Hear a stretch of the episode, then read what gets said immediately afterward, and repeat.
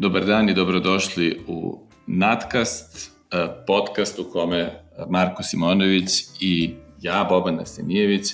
pričamo o temama iz oblasti lingvistike, ali i šire e, o društvenim pitanjima e, i u kome ćemo ovaj put govoriti o temi rodno osetljivog jezika. Pitanje rodno, rodno osetljivog jezika vezuje se naravno za različita pitanja roda, ali je pre svega najdominantnije vezano za pitanje ženskog roda, odnosno za pitanje feminizma i u, uh, jedno, u, u centru tog problema nalazi se upotreba uh, oblika koji su markirani za ženski rod. Uh, čitava, čitavo pitanje ima jedan širi kontekst i pogotovo je radikalizovano sa poststrukturalizmom, jer poststrukturalizam smatra da nema objektivne stvarnosti, da stvarnost stvara, stvaramo mi putem jezika i putem interpretacija i da, dakle, sve ono što je eksplicitno ili implicitno sadržano u jeziku ima duboke uh, posledice za našu stvarnost. Na taj način i uh, upotreba rodno markiranih e, izraza e, prema takvom shvatanju ne samo da oslikava našu stvarnost, već upravo i kreira tu stvarnost. Tako da je iz tog ugla veoma važno da e, jezik kreira onakvu stvarnost, pogotovo društvenu stvarnost kakvu želimo. U isto vreme, rodno osetljivi jezik od strane velikog broja feminističkih mislilaca i mislilica, aktivista i aktivistkinja je se smatra i načinom da se pitanje roda, rodne diskriminacije, položaja žene učini vidljivijim u komunikaciji i u društvu, upravo time što ćemo insistirati na izrazima koji su specifikovani za ženski rod. I različiti problemi u tom poduhvatu ispravnost bazičnih pretpostavki,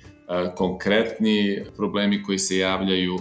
i na kraju krajeva delotvornost takvih postupaka će biti tema našeg današnjeg razgovora. E, dobar dan i s moje strane. Za danas smo probali da, da, da se fokusiramo na jednu konkretnu implementaciju upotrebe rodno osetljivog jezika – i prosto smo uh, malo googlali i našli jedan zanimljiv dokument koji se zove uh, priručnik za upotrebu rodno osetljivog jezika. Može se naći na uh, sajtu rodnaravnopravnost.gov.rs, to je sajt Koordinacijonog tela za rodnu ravnopravnost vlade Srbije i e, autorice su e, Hristina Cvetinčanin Knežević i Jelena Lalatović. E, predgovor je napisala Zorana Mihajlović, završni jedan deo umesto zaključka je napisala profesorica Svenka Savić. I sad, da, osnovna ideja je, fokusiranja na jedan konkretan dokument je da prvo prvo što se radi o zaista politički relevantnom dokumentu u smislu da iza njega stoji nešto što je u okviru, u okviru vlade Srbije e, i s druge strane e, da prosto izbegnemo da, da konstruišemo sad e, šta određeni ljudi tvrde, zahtevaju, sugerišu i tako dalje, bez navođenja izvora. Ovako imamo jedan, prosto ćemo sad, ja, ja ću sad probati kratko da sažmem ovaj, sadržaj ovog dokumenta i predloženu intervenciju i onda ćemo ga koristiti nekako kao ovaj, fokus, a naravno da ćemo se osvrtati i na druge e, aspekte rodno osetljivog jezika. E sad, kad, kad ovaj, otvorite ovaj dokument, e, već iz predgovora je jasno da se radi o politički e, prosto vrlo relevantnom i društveno isto tako vrlo relevantnom pitanju. Um, tu e, Zorana Mihajlović, predsednica vlade Srbije, kaže samo afirmacija upotrebe rodno senzitivnog jezika u službenoj i javnoj upotrebi može postaći E, pozitivnu promenu na nivou čitavog društva, pa je stoga neophodno da se svi uključimo u aktiv, i aktivno učestvujemo u ovom važnom procesu transformacije.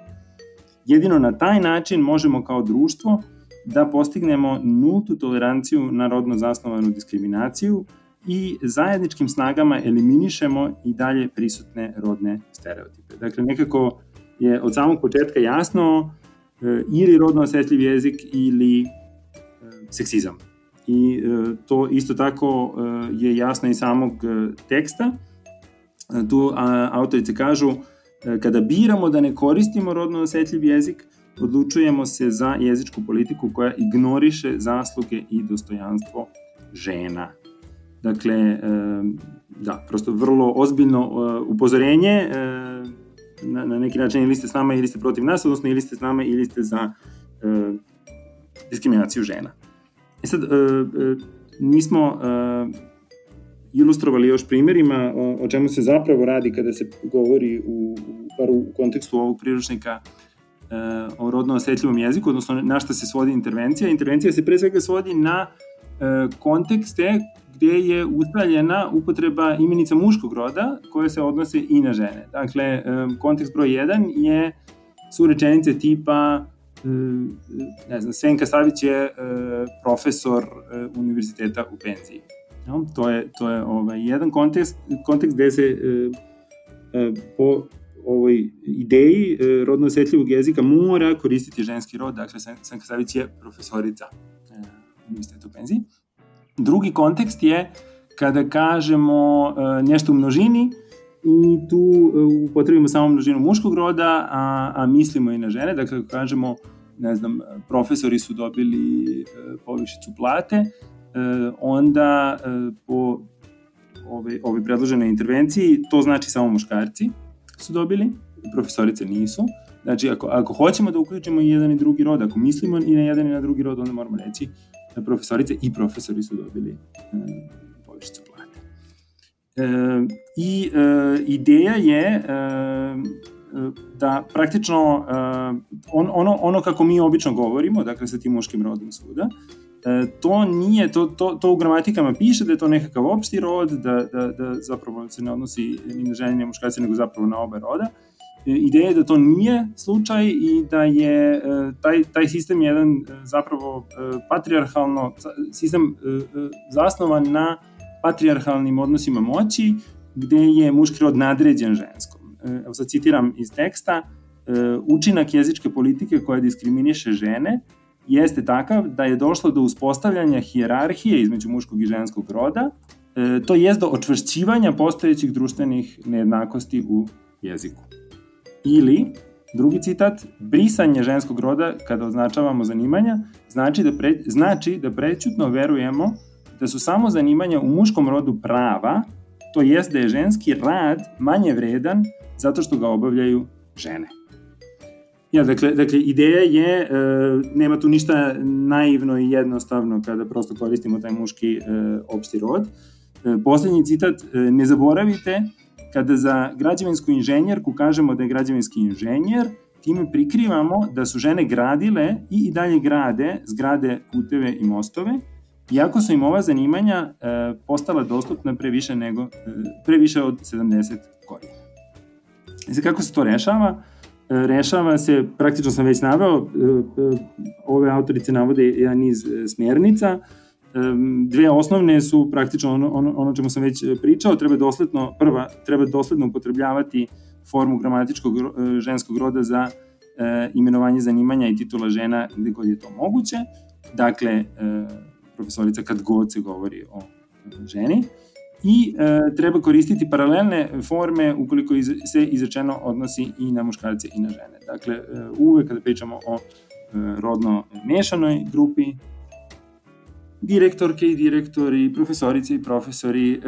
koliko sam primetio, nije bitan redosled, bitno je samo da se navedu i jedan i drugi oblik. Um, ovako sad lingvistički možda je e, još zanimljivo, autorice takođe impliciraju da ova upotreba muškog roda kao opšteg nije samo dakle, patrijarhalna seksistička, nego je zapravo i gramatički e, pogrešna. Evo citat kojim to ilustrujemo. Um, iako profesor i profesorka obavljaju isti posao, važno je da profesorku uh, označimo u odgovarajućem rodu. U suprotnom, to bi bilo kao da umesto prošlog ili budućeg vremena koristimo samo infinitiv. Rečenicu Marko juče doći možemo da uz određeni napor razumemo, ali nema potrebe da ne koristimo jezička sredstva koja nam omogućavaju raznoliko i tačno izražavanje. Dakle, tu se e, na neki način na isti nivo e, stavlja rečenica e, profesori su došli i Marko juče doći. Naravno, profesori su došli u smislu i muškarci i žene. Um, I poslednja stvar koju ću um, reći rezimirajući sadržaj uh, je uh,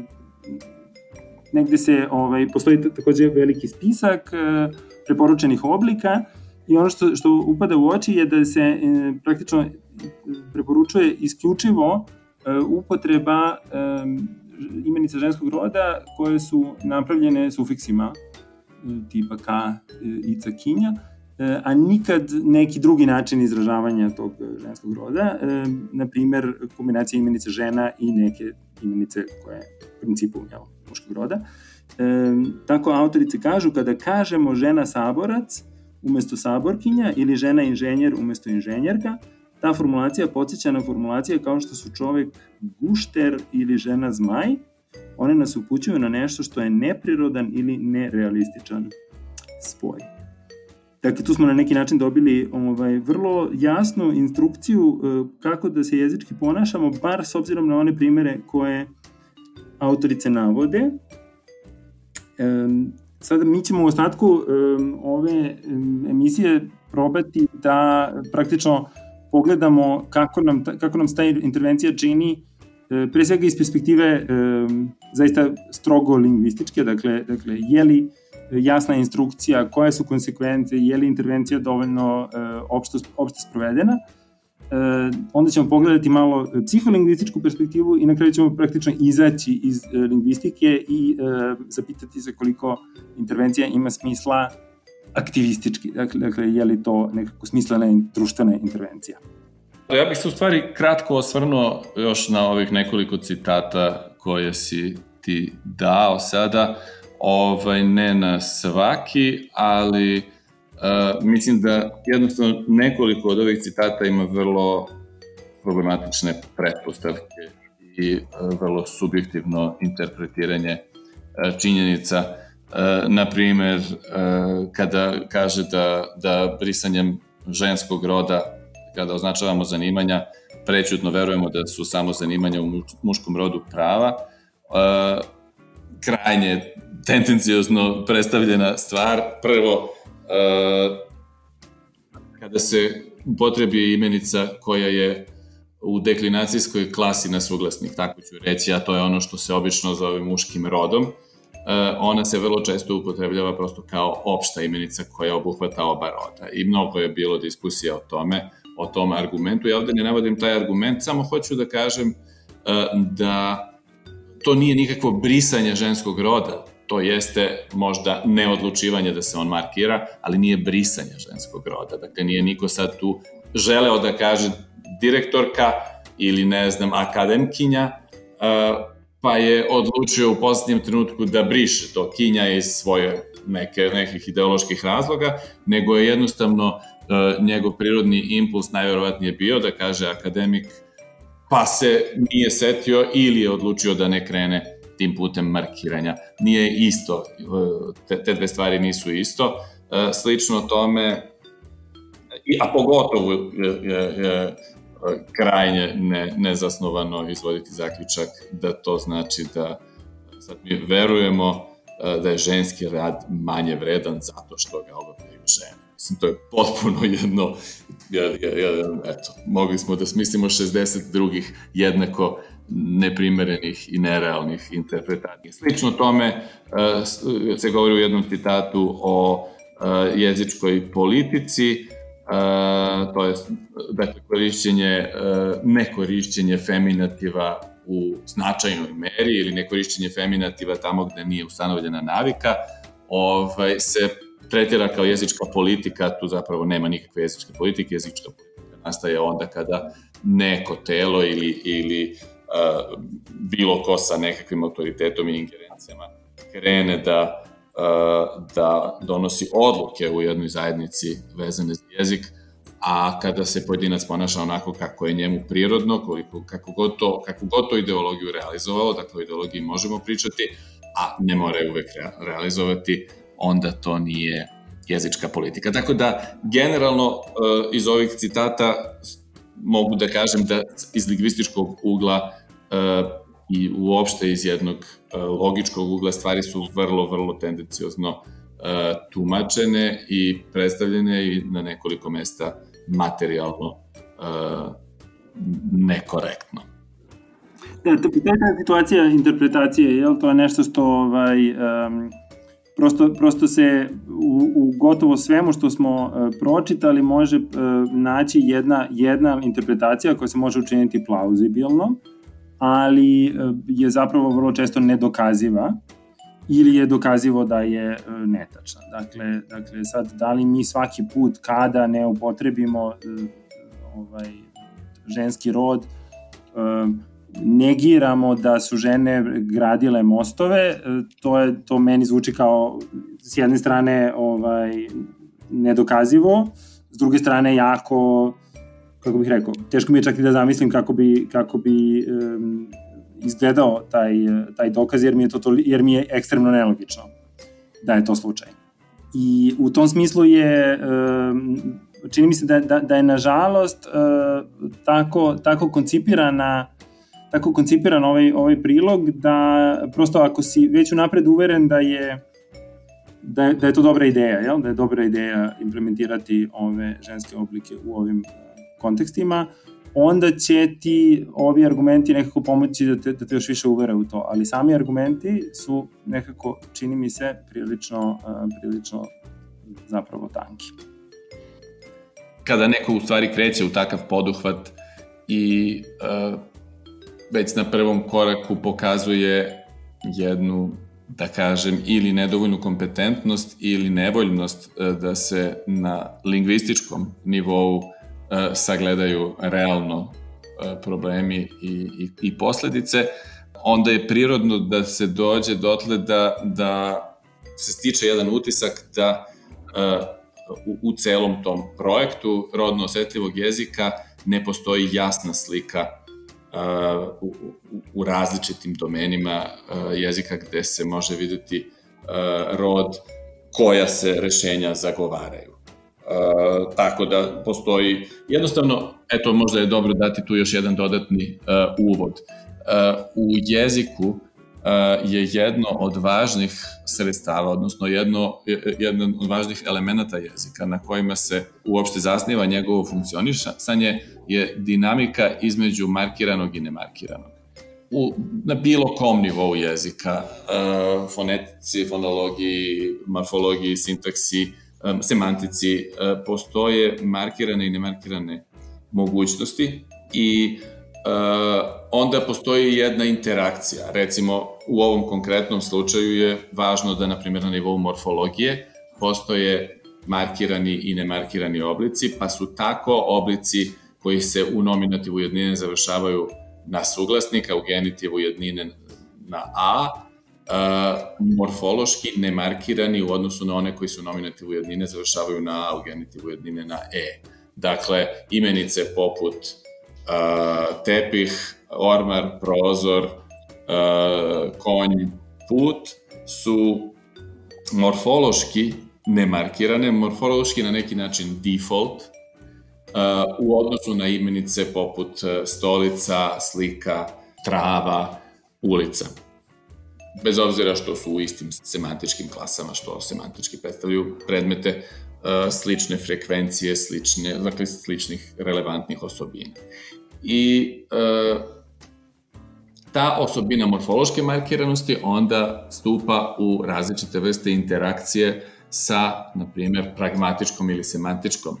markiranošću i nemarkiranošću. I tu nastaje uh, problem, zato što uh, jezik tretira uh, prirodni muški rod, semantički muški rod, dakle ono što zaista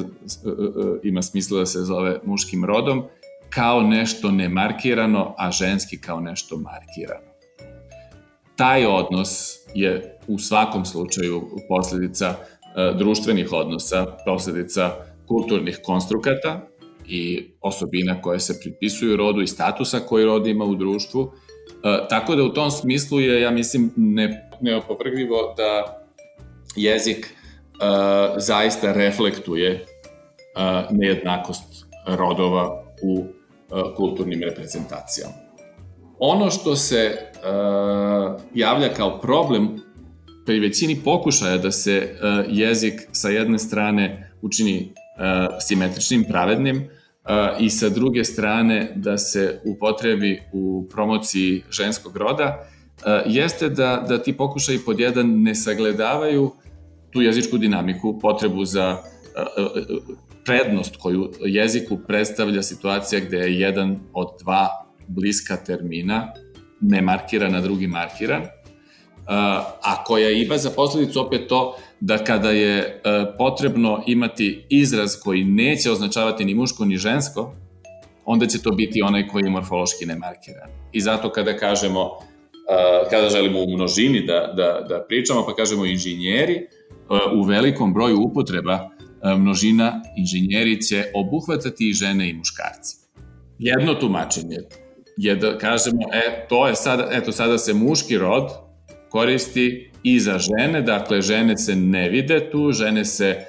poriče se njihovo učešće, poriče se njihovo postojanje, poriče se njihovo prisustvo, ali mislim da to nije dobar opis situacije. Dobar opis situacije je jednostavno da je tu muški rod morfološki na gramatičkom planu nemarkiran i skloniji da bude upotrebljen kao opšti. E, I, i ta jezik jednostavno ima potrebu za opštim rodom, postoji gomila konteksta gde je opšti rod neophodan. Ovaj, na primer, uh, nije moguće nekog pitati je li tvoja, je li tvoja direktorka žensko, ali je moguće pitati da li je tvoj direktor žensko. I to je, i, i, i to je situacija gde se zaista direktor koristi kao rodno neutralno, jer inače ne bismo mogli da postavimo to pitanje. Dakle, tu zaista imenica direktor nije muškog roda i u mnogim drugim situacijama te takozvane imenice muškog roda uopšte to nisu. One su prosto imenice jedne morfološke klase, imenice koje uzimaju jedan skup nastavaka u morfologiji i usled neke dinamike između morfologije i značenja, morfologije i semantike i pragmatike, pa onda dodatne dinamike između pragmatike i kulturne, kulturnih predstava, nastaju te veze I jeziku bi u principu bilo potpuno prihvatljivo, potpuno moguće da, dakle, da semantički, prirodni, kulturni ženski rod bude onaj koji je defaultni. Što on to nije, stvar je situacija u, u našoj kulturi, a ne situacija u, našom, u našem jeziku. I jedno od pitanja o kome treba pričati o kome ćemo još pričati je koliko je uh, jeziku moguće da on to stanje menja i koliko mi to stanje menjamo intervencijom u jeziku. Tu, tu mi sad zanimljivo pitanje, um, ja moram priznati da mi nije sasvim jasno, jasan taj deo gde, gde kultura utiče na, na default, E sad da, s jedne strane, evo sad prosto pričam šta, šta mi je ovako poznato iz, iz tipoloških istraživanja. S jedne strane, u ogromnoj većini jezika sveta je e, muški rod e, oni koji biraju između muškog i ženskog je muški rod e, nekakav default, ali zapravo postoje jezici gde je ženski rod default. E, primeri koji se često navode je e, sudanski jezik Moro, jezik Masaja, i to su jezici koji, dakle, eto, koriste u, u, u nekim tim kontekstima gde se, gde se koristi neutralni rod, ženski rod, i e, onda bismo da prosto stoji ovaj determinizam, sad nisam siguran da, da kod tebe, da ono što si ti predstavio determinizam, ali svakako ono što smo pročitali je apsolutno determinizam, dakle, e, ako, ako jezik zaista formira realnost, onda bismo očekivali da je njihova realnost ili e, zapravo ekstremno feministička, matriarhalna. Takođe, jezici koji, imaju, koji nemaju gramatički rod, praktično ga ne, ne markiraju na rečima, na primjer turski, oni bi trebalo da budu nekakvi post-gender jezici u kojima je rod jako nebitan i tako dalje. E, mnogo više stvari je unisex i ništa od toga nije slučaj. Dakle, dakle praktično ljudi koji su gledali takve jezike, e, ovaj, ovaj prvi tip je redak, dakle, dakle ženski rod kao default je redak, e, međutim, ne markiranje gramatičkog roda je zapravo prilično često u jezicima sveta i nikakva zapravo korelacija se ne nalazi između, između ta dva. Kako, kako to objašnjavaš? sa jedne strane, mislim, objašnjenje je vrlo jednostavno i mislim očigledno, a to je da, da ne postoji ta veza, da jezik ne formira stvarnost, da je to bila jedna poetična uh, ideja poststrukturalizma uh, koja je uh, čak mislim ponekad previše bukvalno i pogrešno uh, tumačena i nije bila data sa namerom da zaista nekakva objektivna i materijalna stvarnost može da bude promenjena jezikom, već sa idejom da materijalna i objektivna stvarnost nisu toliko važne za to kako ćemo mi formirati sliku o njoj. Malo više od polovine svetskih jezika uh, ima gramatički rod. Uh, ostali jezici ga nemaju i zaista bi bilo očekivano prema ovome što si ti rekao da ti jezici, ne samo ti jezici da su rodno neutralni, već da su to neka društva posebna koja ovaj, nemaju, uh, nisu patriarhalna, ovaj, nego ili su matriarhalna ili su neka ne uh, rodna društva, društva u kojima rod ne igra ulogu, međutim to su uglavnom društva sa uh, u najmanju ruku jednako jasnim rodnim ulogama uh, kao i u društvima sa gramatičkim rodom. I pošto si me pitao malo pre oko, možda sam bio malo nejasan, dakle oko tih defaulta, uh, čak i u, i u jezicima u kojima je, dakle to šta je, koji je kulturni rod default u jednom jeziku, to, to nije fiksno ni za jedan jezik. Dakle, u, samom, u svakom jeziku pona osob uh, postoji mnogo fleksibilnosti za to. Tako da ima veliki broj primera i u našem jeziku gde je imenica ženskog roda default. Na primer, ne znam, kod životinja, žirafa, riba, ptica, svugde tu je imenica na A default. I u principu nju opet ne bi trebalo zvati imenica ženskog roda, već imenica deklinacije na A, ovaj, a rod se tek posle vezuje za to. E, postoje i primeri e, gde ne postoji asimetrija roda, gde ni jedan oblik nije sasvim defaultni, e, da tako kažem, recimo krava i bik, e, ovca i ovan, e, koza i jarac, tu jeste blaga prednost na, na strani imenice na A, ali postoji prilična simetrija, na kraju krajeva muškarac i žena. Takođe, postoji prilična simetrija. Ja sam više hteo da kažem da taj odnos markiranog i nemarkiranog prosto igra jednu ulogu na nivou veoma velikih brojeva, na nivou veoma velikih, velikih, velike količine komunikacije koja se neprestano razmenjuje jezikom i da je taj pritisak ekonomičnosti toliko jak da bi uh, jako teško bilo sistematično promeniti te stvari. Ono što bi bilo potrebno za početak, ja mislim, je da postoji deklinacija ženskog roda koja se završava na suglasnik, dakle koja nema markirani nastavak, nema vidljivi nastavak. Opet, e, i to postoji u našem jeziku, dakle imamo reči poput e, ljubav, e, mladost, e,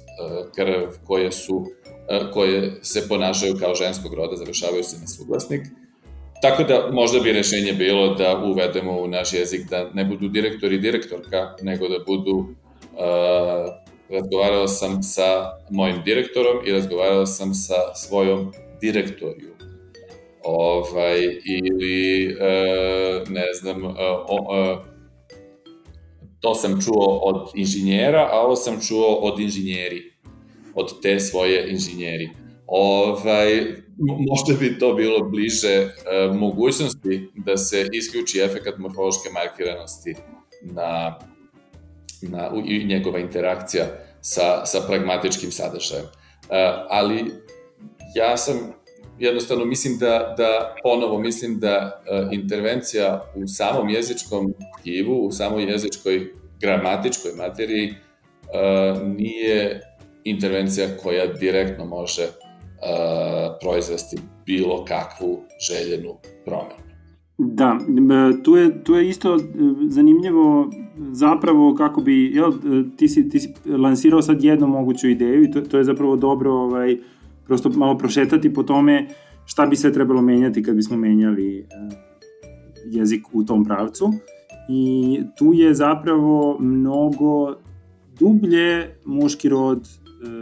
opšti u našem jeziku i u tom smislu E, bi trebalo menjati, dakle, eto, jedna stvar je morfološka markiranost, markiranost dakle, postoji inženjer maskulinom i inženjer femininom, ali postoje i razne potpuno funkcionalne, razni potpuno funkcionalni elementi koji uzimaju taj, taj muški rod kao default, ne znam, kažemo niko nije došao um, kažemo ko je došao. To, to, tu se sve ovaj slaže sa, sa muškim uh, rodom. Dakle, uh, zatim imamo ovaj, množinu gde, kada, kada pričamo o, o mešanim uh, grupama, dakle, kažemo o, oni su došli, kažemo one su došle samo ako su isključivo žene. To su stvari koje sad da ne bude zabune, to su stvari koje um, autorice priručnika za rodno e, osetljiv jezik za upotrebu rodno osetljivog jezika e, ne menjaju, odnosno koje one implementiraju onako kako je uobičajeno u, u našem jeziku, ali to jesu primjeri e, muškog roda kao opšteg. Dakle, dakle nekako je pitanje zašto stati na, na imenima zanimanja i zar to onda nije neka jako površna u stvari intervencija ne treba li onda prosto otići i svugde uvesti e, dva, dva roda. Ne znam kako bi to ovaj, zvučalo, verovatno ko je došao ili došla. E, još jedna stvar koja se, koja se apsolutno ne dotiče, e, priručni, priručnik je, i onda, onda prosto kad čitaš ono nekako tipa padaju, padaju na pamet intervencije, su reči izvedene od reči, od imenica koje se odnose na zanimanja na kojima je fokus u ovom priručniku, Dakle, ne znam, kad pričamo, evo sad, student uh, nikako ne sme biti uh, žena, uh, međutim, onda kad pričamo o studentskim pravima, tu smo izveli pridev od, od muške verzije, dakle, trebalo bi onda govoriti o studentskim i studentkinskim pravima. Isto tako, ne znam, carevati bi onda moralo biti carevati i caričiti, kraljevati, kraljevi, kraljevati i kraljičiti i tako dalje.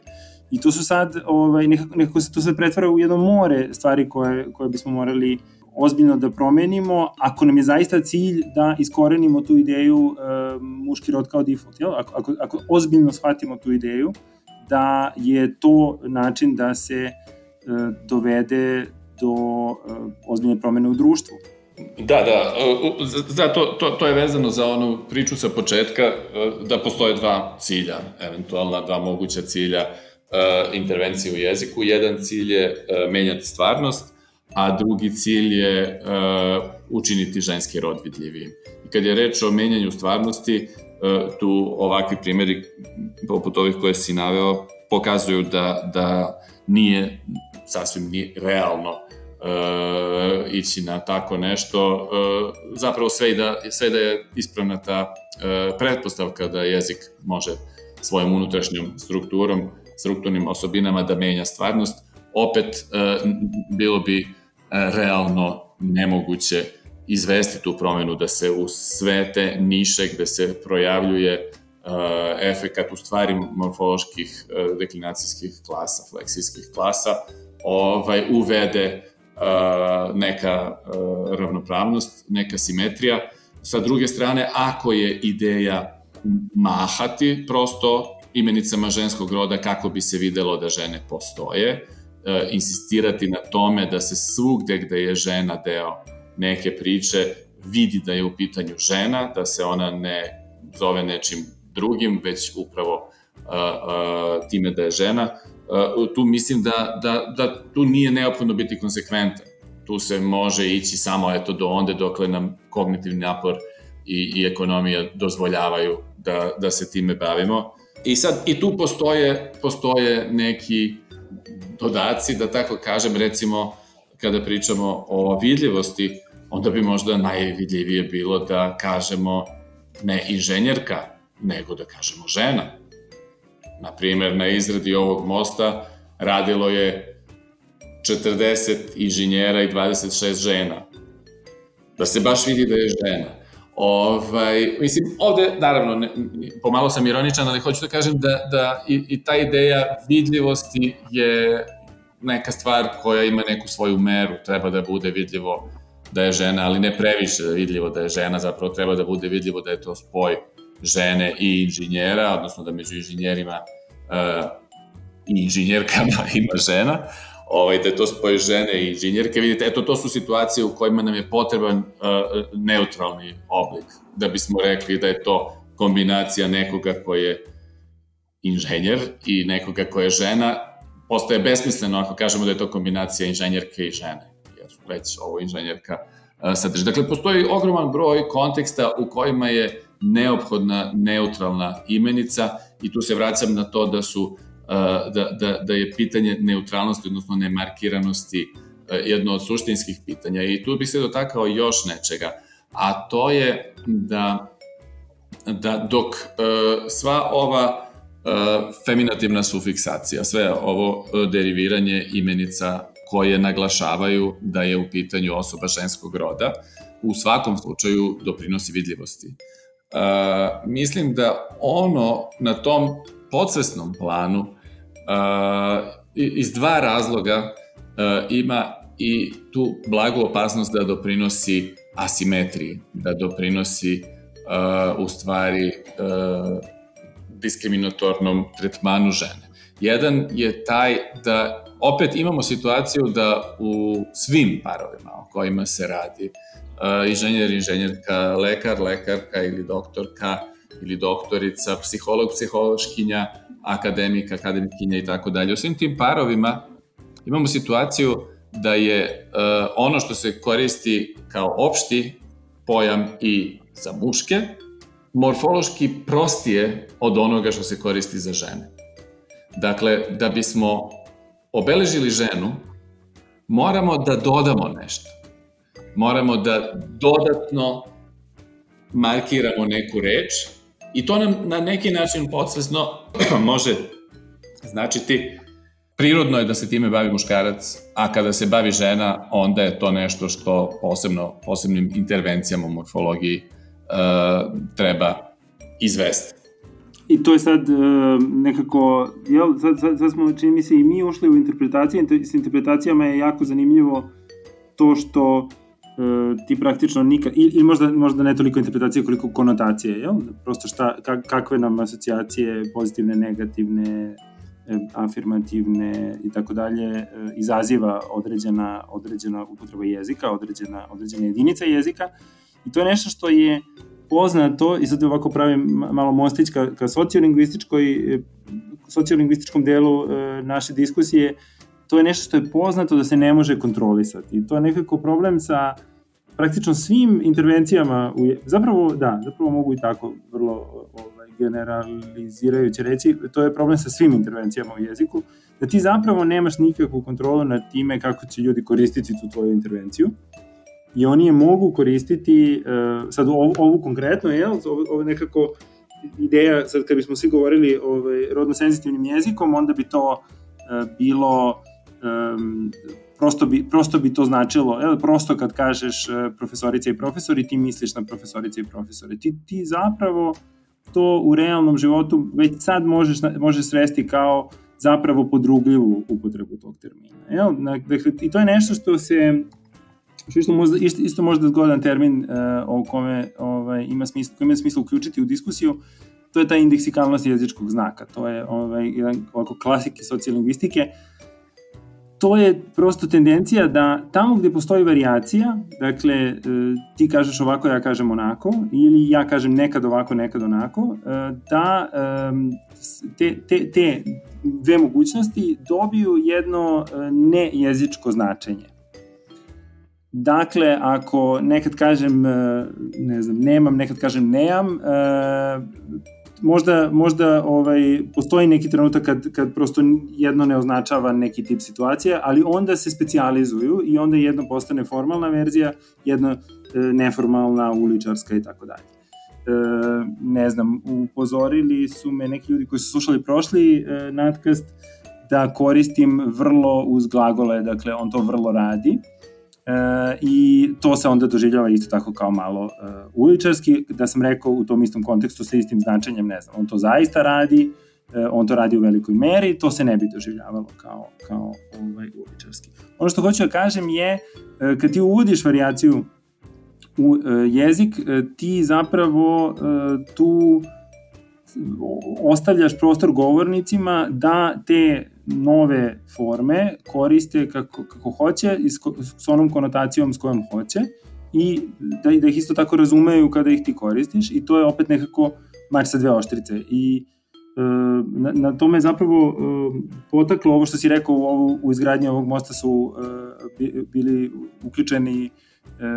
inženjeri i ili ne znam sedam inženjera i šest žena to iz nekog razloga meni zvuči uvredljivo, jel?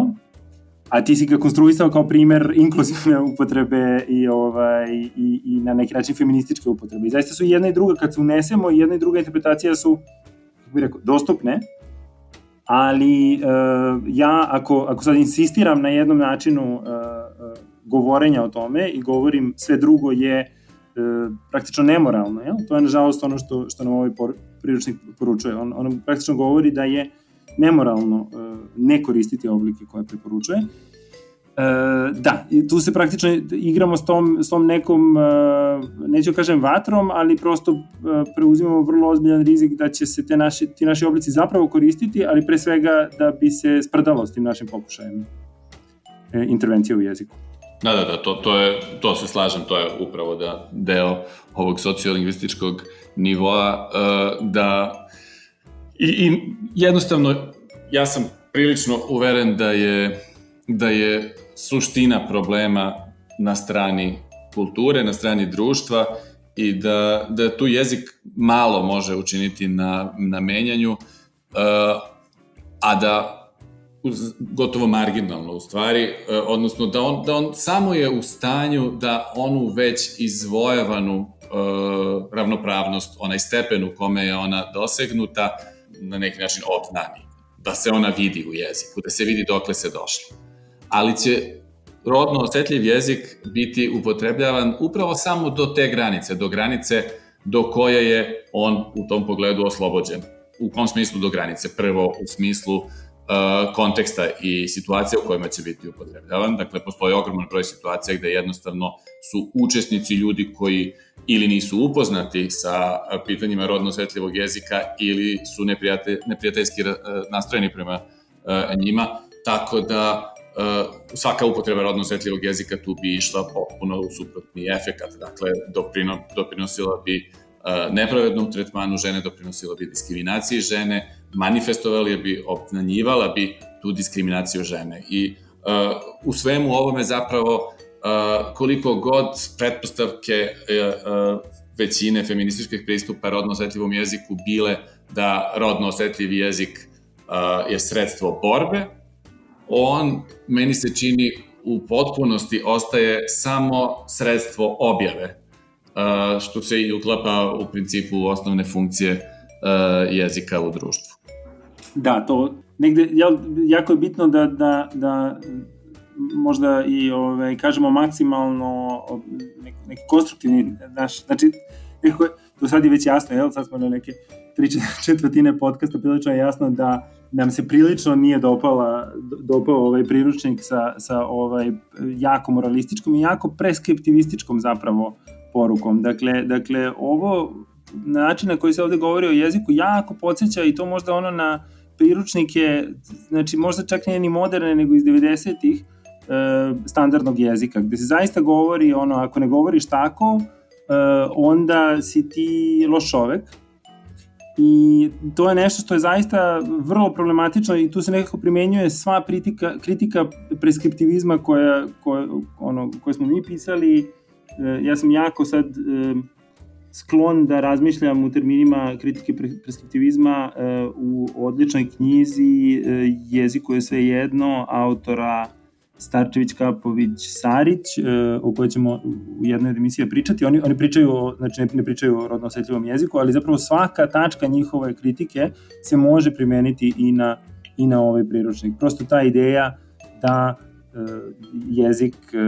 ono, postoji jedna, jedan način kako jezik treba koristiti i svi, svi drugi načini su pogrešni i treba da nestanu, um, je, da, prosto, prosto pre, preskriptivizam i prosto problematična sama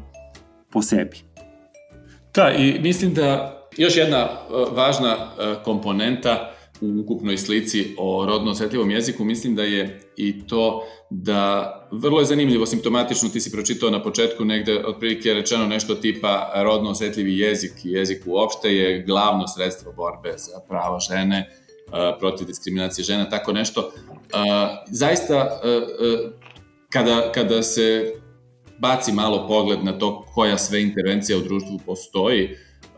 na planu rodne ravnopravnosti, vidjet ćemo da, da najveći deo i u diskursu, u govoru, pa i u, na kraju nekim akcijama, projektima koji se sprovode, zauzimaju upravo stvari vezane za rodno osetljiv jezik. Uh, ja se bojim da, da čak i ako ja nisam u pravu da, da rodno osetljivi jezik gotovo ni malo, odnosno beznačajno doprinosi uh, toj borbi za rodnu ravnopravnost, čak i ako nešto više doprinosi, uh, još uvek mislim da, da postoji mnogo drugih sredstava koja bi mogla da doprinesu uh, mnogo, mnogo više od toga. I da na neki način rodno osetljiv jezik kao nešto što je vrlo dostupno, vrlo jednostavno, što možemo provoditi bez posebnog napora, što obično kada provodimo, uh, objavljujemo i neku sliku o sebi i stvaramo neku saglasnost i prepoznajemo istomišljenike. Uh, sve te koristi i, i udobnosti koje imamo od, od, od rodno osetljivog jezika u nekim situacijama su možda jedan od razloga zašto se njemu toliko pribegava u odnosu na ipak mnogo više potrebnog rada, E, mnogo više potrebnog rizika, mnogo više mogućih neprijatnosti, mnogo više stvarne borbe e, koji, koji bi bili potrebni e, na onim planovima gde se zaista može realno menjati položaj žene u društvu. I tu se ovaj, jedan, prosto upotrebio si niz prideva i za ono što je, za ono što rodno jezik jeste i za ono što je neka možda smislenija borba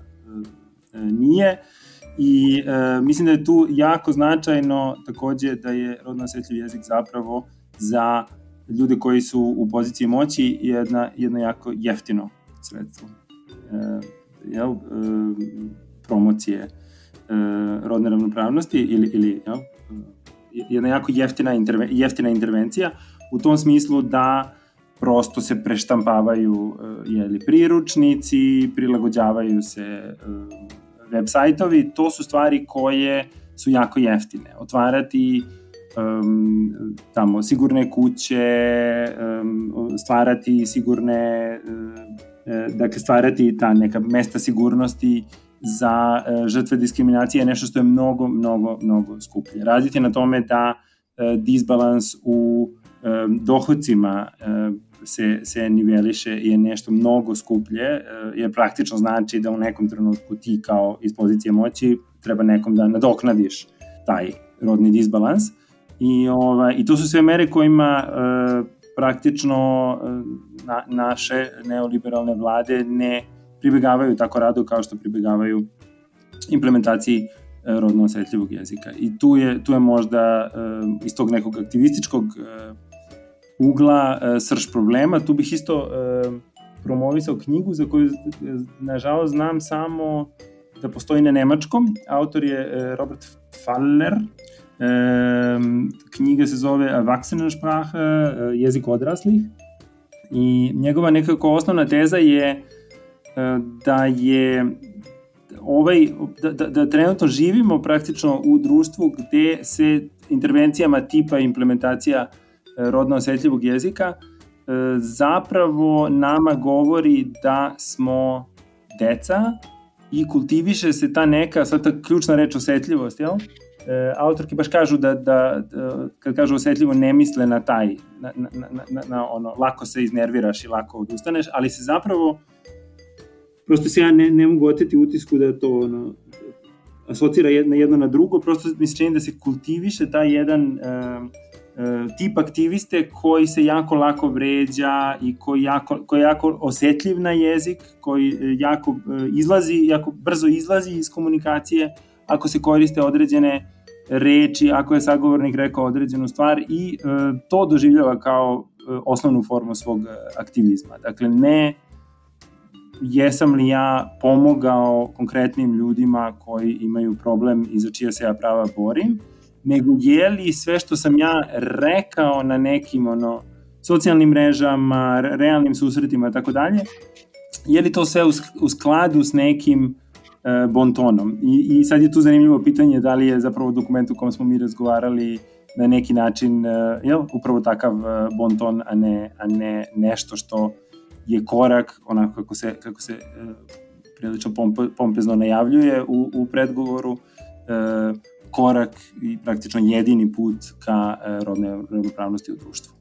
Da, mislim, eto, kao samo još bih dodao još jednu funkciju koju taj rodno osjetljiv jezik ima, a to je uh, kod jednog broja ljudi verovatno donekle da spasi savest. Eto, nisam posebno aktivan, nisam ništa doprineo tome da, da stvari stoje bolje. Mogu i za sebe da kažem tako, da stvari bolje stoje u svetu. Evo, danas ću šest puta upotrebiti feminativ i e, nema problema, ne moram više ništa ni da, ni da radim. A, postoji, dakle, ta, ta, ta dimenzija i onda kao još, još gore i drastičnija, ona koju si ti pomenuo, a to je Uh, evo, ja ću se danas uvrediti zbog toga što neko nije upotrebio rodno osetljivi jezik i time sam, možda nisam ništa ni doprineo, ali stavio sam se u ulogu onoga radi koga treba stvari menjati, a ne onoga ko treba stvari da menja. To nije uh, strategija koja može da donese nešto dobro. Da, još jedna stvar koje, o kojoj priča Faller, koja me nekako, e, moram pisati, pogodila, ona je takođe na neki način interpretativna i nekako stavlja jednu komunikacijsku situaciju u fokus i u tom smislu ima razne, ima, ima taj problem, ali mi je jednako validna kao i, i, i ove, ili validnija od većine argumenta koje sam čuo e, u korist e, rodno osjetljivog jezika. Ono što on kaže je um, izražavanje solidarnosti postaje problematično, jer uh, njegov primer je uh, prosto u ovom ne, nesenzitivnom jeziku e, železničarka može reći železničaru e, ej i ti i ja smo železničari. Jel? To, to treba, da, treba da se organizujemo, treba da se vidimo kao nekakvu klasu. E, to je nešto sad nemoguće u, u rodno osjetljivom jeziku. Dakle, ona bi morala da kaže hej i ti i ja smo železničarke i železničari, što nekako zvuči pogrešno i zvuči zapravo netačno. I u tom smislu, jel, možda se zaista postavlja neko onako prilično primitivno e, tehničko pitanje, jel, e, eto, ako, ako, ako dosledno to primenimo, onda i ta, ta njihova organizacija onda ne može da koristi pridev ili mora da koristi dva prideva, to se sve vreme zvuči kao da zapravo postoje neke dve subgrupacije i tako dalje i u tom smislu da, stvara, stvara jedan niz situacija koje jesu sad komunikativno problematične. Ja ne bih išao toliko daleko da kažem, e, ono, solidarnost nestaje onog trenutka kada uvedeš takve izraze, ali izražavanje solidarnosti zaista postane malo, malo čudnije. Da, da, mislim, pogotovo u, u, u današnje vreme kada uh, ne bih uh, pretpostavio nekakvu zaveru iza toga, ali je očigledno da je jedan od velikih problema potlačenih danas fragmentacija, fragmentarizovanost, to da, da se ne govori o potlačenima, ne govori se o, o jednoj jedinstvenoj grupi svakoga onoga ko nije pravedno tretiran u društvu, nego sad postoje nejednakost žena, nejednakost dece, nejednakost siromašnih, nejednakost manjina, nejednakost uh, rodnih manjina, etničkih manjina i tako dalje, koje su sve evidentne ali koje su sve generalno nejednakosti. Za svaku, protiv svake od njih se treba boriti i zaista ih treba prepoznavati, ne treba ih zatrpavati, ali je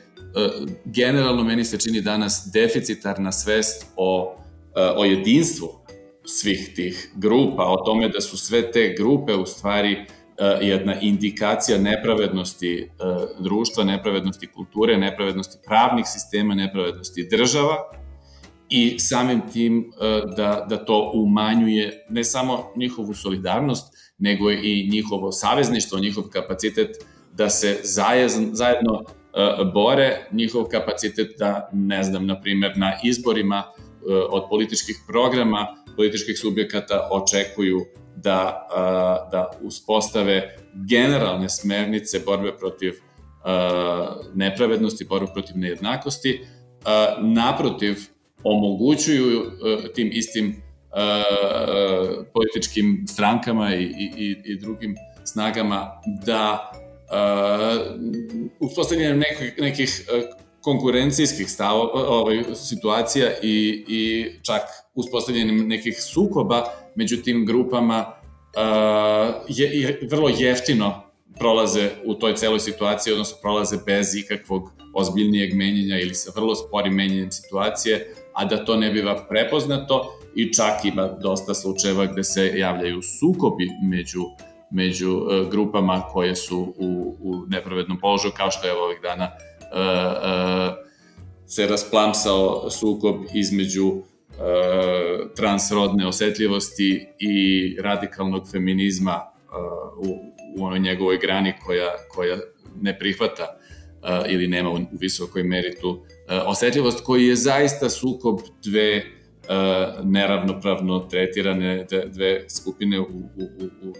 svim zajednicama širom sveta koje su u neravnopravnom položaju,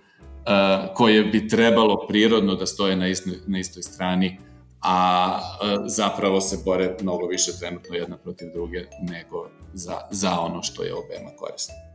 Da, to je ovaj, da se, da se nadovežem, um, jedan, jedan razloga zašto mi ćemo ovaj, staviti u opis uh, podcasta uh, link na, na ovaj priručnik, apsolutno preporučujem da se, da se to, da to pogledate ako vas uh, zanima tema. Prosto ni ja nisam, kad sam rezimirao, rezimirao sve elemente. Jedna stvar koje su me pogodile je mm, tu sad ima, to nije kao tema, odnosno nije u fokusu, jeste tema, ali nije u fokusu e, priručnika, ali ima, ima puno nekih činjenica, kratkih biografija istaknutih žena i tako dalje. Jedna, na jednoj od tih lista činjenica možemo pročitati nakon 65. godine života rizik od siromaštva je 50% veći za žene nego za muškarce. I sad nekako to zaista izgleda kao je, je, jedan put je ono da, da probamo da svi budemo sve siromašniji i sve jedno, ali da e, nekako sredimo da, bude, da budemo 50-50 žene i muškarci siromašni, a drugi put je da ono, poradimo na tome da bude što manje siromaštva i da prestane e, ekstremni rast e, nejednakosti u svetu koji je apsolutno globalan. Jel? Siromašni ljudi su sve siromašniji. I nekako je jako čudno što se bira uh, ovaj put. Uh, ono, sam, samo da nisu žene, samo da nisu muškarci bogatiji od žena. Da možda sam, možda sam uh, uh, sad malo ciničan, ali je, ali je nekako vrlo zanimljivo da se dalje ni reč ne spominje ovaj, o, o upravo toj, tim ekonomskim politikama i generalnom, generalnom uh, rastu siromaštva. Pa hteo sam da kažem da, da, da tu treba razmišljati malo i o tome da, uh, uh, dakle, da, da neka vrsta uh, vage, klackalice, terazija između E, rodno osetljivog jezika, znači intervencije u jeziku i neintervencije, može da se sagleda i u tome da intervencija na neki način vrlo često se doživljava kao neka vrsta pritiska, kao neka vrsta nameta. E, svi oni koji nisu nosioci te intervencije, koji e, dakle ne, ne isturaju intervenciju kao neki simbol sobstvene borbe i sobstvene pravednosti, svi oni na, na kraju krajeva trpe neku vrstu normativnog pritiska i neku vrstu toga da moraju ulagati više energije u jezik. Uh, mislim da bi moglo veliki potencijal da ima prosto da se, uh, da se više baci akcenta na razgovor o tome na koji se način u jeziku vidi ta nejednakost koja se zaista vidi i da, da kroz taj razgovor uh, osvešćujemo kod ljudi nejednakost žena e, i da ujedno otvaramo prostor za jednu vrstu konstruktivnog razgovora među onima koji su spremni na taj konstruktivni razgovor, jer opet mislim da je mnogo korisnije za svaku borbu, pa i ovu, da se uh, u društvu mobilišu, rekrutuju svi oni ljudi koji jednostavno nisu svesni problema i, i zbog te nesvesti o problemu stoje na drugoj strani i da se sa njima razgovara i da se kaže ajde da vidimo, jel prepoznajete da je ovo problem, zašto da bude tako? Nego da se e, militarizuje odnos e, time što se nameću neki obrazci i da se onda e, praktično eskalira neko, neki sukob i neko neprijateljstvo, da se stvara loša slika o toj borbi za ravnopravnost i da se na taj način odbije jedan, ja mislim, značajan i većinski deo populacije na čijem osvešćivanju o problemu treba raditi. Da, to je, ovaj, mislim da si um, lepo rezimirao i moje mišljenje u tom nekom uh, smislu šta treba raditi za, za dalju promociju uh, ravnopravnosti žena. Ja bih se još, evo, zaključno, um, osvrnuo na to šta mi se čini da ima smisla raditi u jeziku, jer zapravo imamo na neki način imamo situaciju u jeziku i to, to, je, to je bitno uh, prosto da ne uh, zazvuči uh, slušalcima da, da tvrdimo da se ništa ne događa u jeziku o čemu bi zapravo ima smisla razgovarati možda i kao zajednica. Ja mislim da se događa ono što i autorice opisuju što nek, čega smo svi svesni zaista je sve više uh, osoba svih polova na, na pozicijama na, u raznim, na raznim radnim mestima i u tom smislu se javlja potreba za feminitiv, feminativima, dakle za, za oblicima ženskog roda. Ja imam, ja već sada govorim varijetetom VHS-a koji, i to za zaista ovako ističem da kao, govorim samo kao jedan od, ne znam koliko nas ima, 20 miliona govornika, ali prosto u mom varijetetu um, postoje konteksti u kojima mi je apsolutno neophodna imenica koja, koja je specifično ženska, dakle ne mogu da kažem moja agent mi je to obećala, e, treba mi, treba mi e, imenica ženskog roda, praktično u svim kontekstima tog tipa. I, i navijačica, dakle ne samo za zanimanja, i navijačica, i afrikanerka, i šta god. E, I u tom smislu ću napraviti tu, tu imenicu spontano. I, ovaj, i pre, pretpostavljam da, da, da je mnogo govornika koji, se, ko, ko, koji prave te imenice spontano i onda zbog prosto situacije kako je naš jezik nažalost normiran, postoji nesigurnost kod govornika, da prosto ako, ako ono, nemam osjeća da tako kako ja pričam piše u pravopisu, onda sam ja nesiguran i onda ću čutati, googlati, pitati nekoga kog smatram autoritetom i tako dalje i tu se onda stvara nesigurnost i onda se možda zaista i nastaju situacije da se ljudi ustručavaju da koriste, da onda bilo šta kažu. Jel? Kao što rekao, ne, ne mogu da kažem sa muškim rodom, ne mogu da kažem nisam siguran koju, koju, koju verziju ženskog roda da upotrebim, koju, koju sufiks da upotrebim da napravim tu imenicu. I to onda jeste problem, s tim što ja mislim da ni tu na nivou normiranja nije rešenje da idemo na objavljivanje spiskova. To je praktično nešto što možete naći u ovom priručniku, možete naći prilično ovaj, opšten e, e, spisak prosto rešenja gotovih i e, za neke se konkretno kaže, za neke se ne kaže, ali sve ostalo je manje više isključeno. Sve ostalo nije preporučivo, nije, pri, čak mislim da koriste reč prihvatljivo. ja mislim da tu ima prostora da se mnogo ovaj, demokratskije i ozbiljnije pozabavimo time jedna stvar koju ovako, malo smo pripremi ovaj, razgovarali, pa mi je prosto palo na pamet kao potencijalno, evo, ideja, pa sad, ako neko realizuje, um, da se napravi, na primjer, website na kojem, se, na kojem stoji spisak zanimanja i onda govornici, svi ravnopravno, mogu da kažu kako, kako oni prave feminativ za to zanimanje. I to bi, to bi doprinalo, eto, kad se neko osjeća nesiguran, da može pogleda i da ima tu ideju, ok, znači postoji zaista. I, i, mislim da bi bilo lepo da ljudi vide da zaista postoji variacija. Dakle, kod nekih imenica zaista on može agentica, može agentkinja. Agentka mi recimo ne zvuči. Um, ali naravno da neko drugi to kaže, to bi mi bilo prihvatljivo. Eto, to bi možda bila neka ideja šta bi, šta bi bila eventualno smislena um, akcija i opet da um, podvučem, uh, on, on, nekako, nekako želim da, da, želim da sprečim da se ono što smo rekli interpretira kao uh, rodno osjetljiv jezik je glupost i nemojte koristiti te oblike, dakle koristite ljudi uh, šta god da koristite, ali nemojte, ako mene pitate, ići okolo i objašnjavati ljudima da kako, to kako oni pričaju je pogrešno, negramatično i uh, seksistički. A samo zato što koriste muški rod kao opšti. E, to mi opet zvuči kao dobar zaključak za, za drugi podcast. Hvala vam što ste nas e, slušali, nastavite da nas slušate tamo gde nas e, slušate. Dodali smo Biće, biće u opisu podcasta e-mail adresa na kojoj ne možete pisati ako imate konkretne sugestije, šta biste voleli da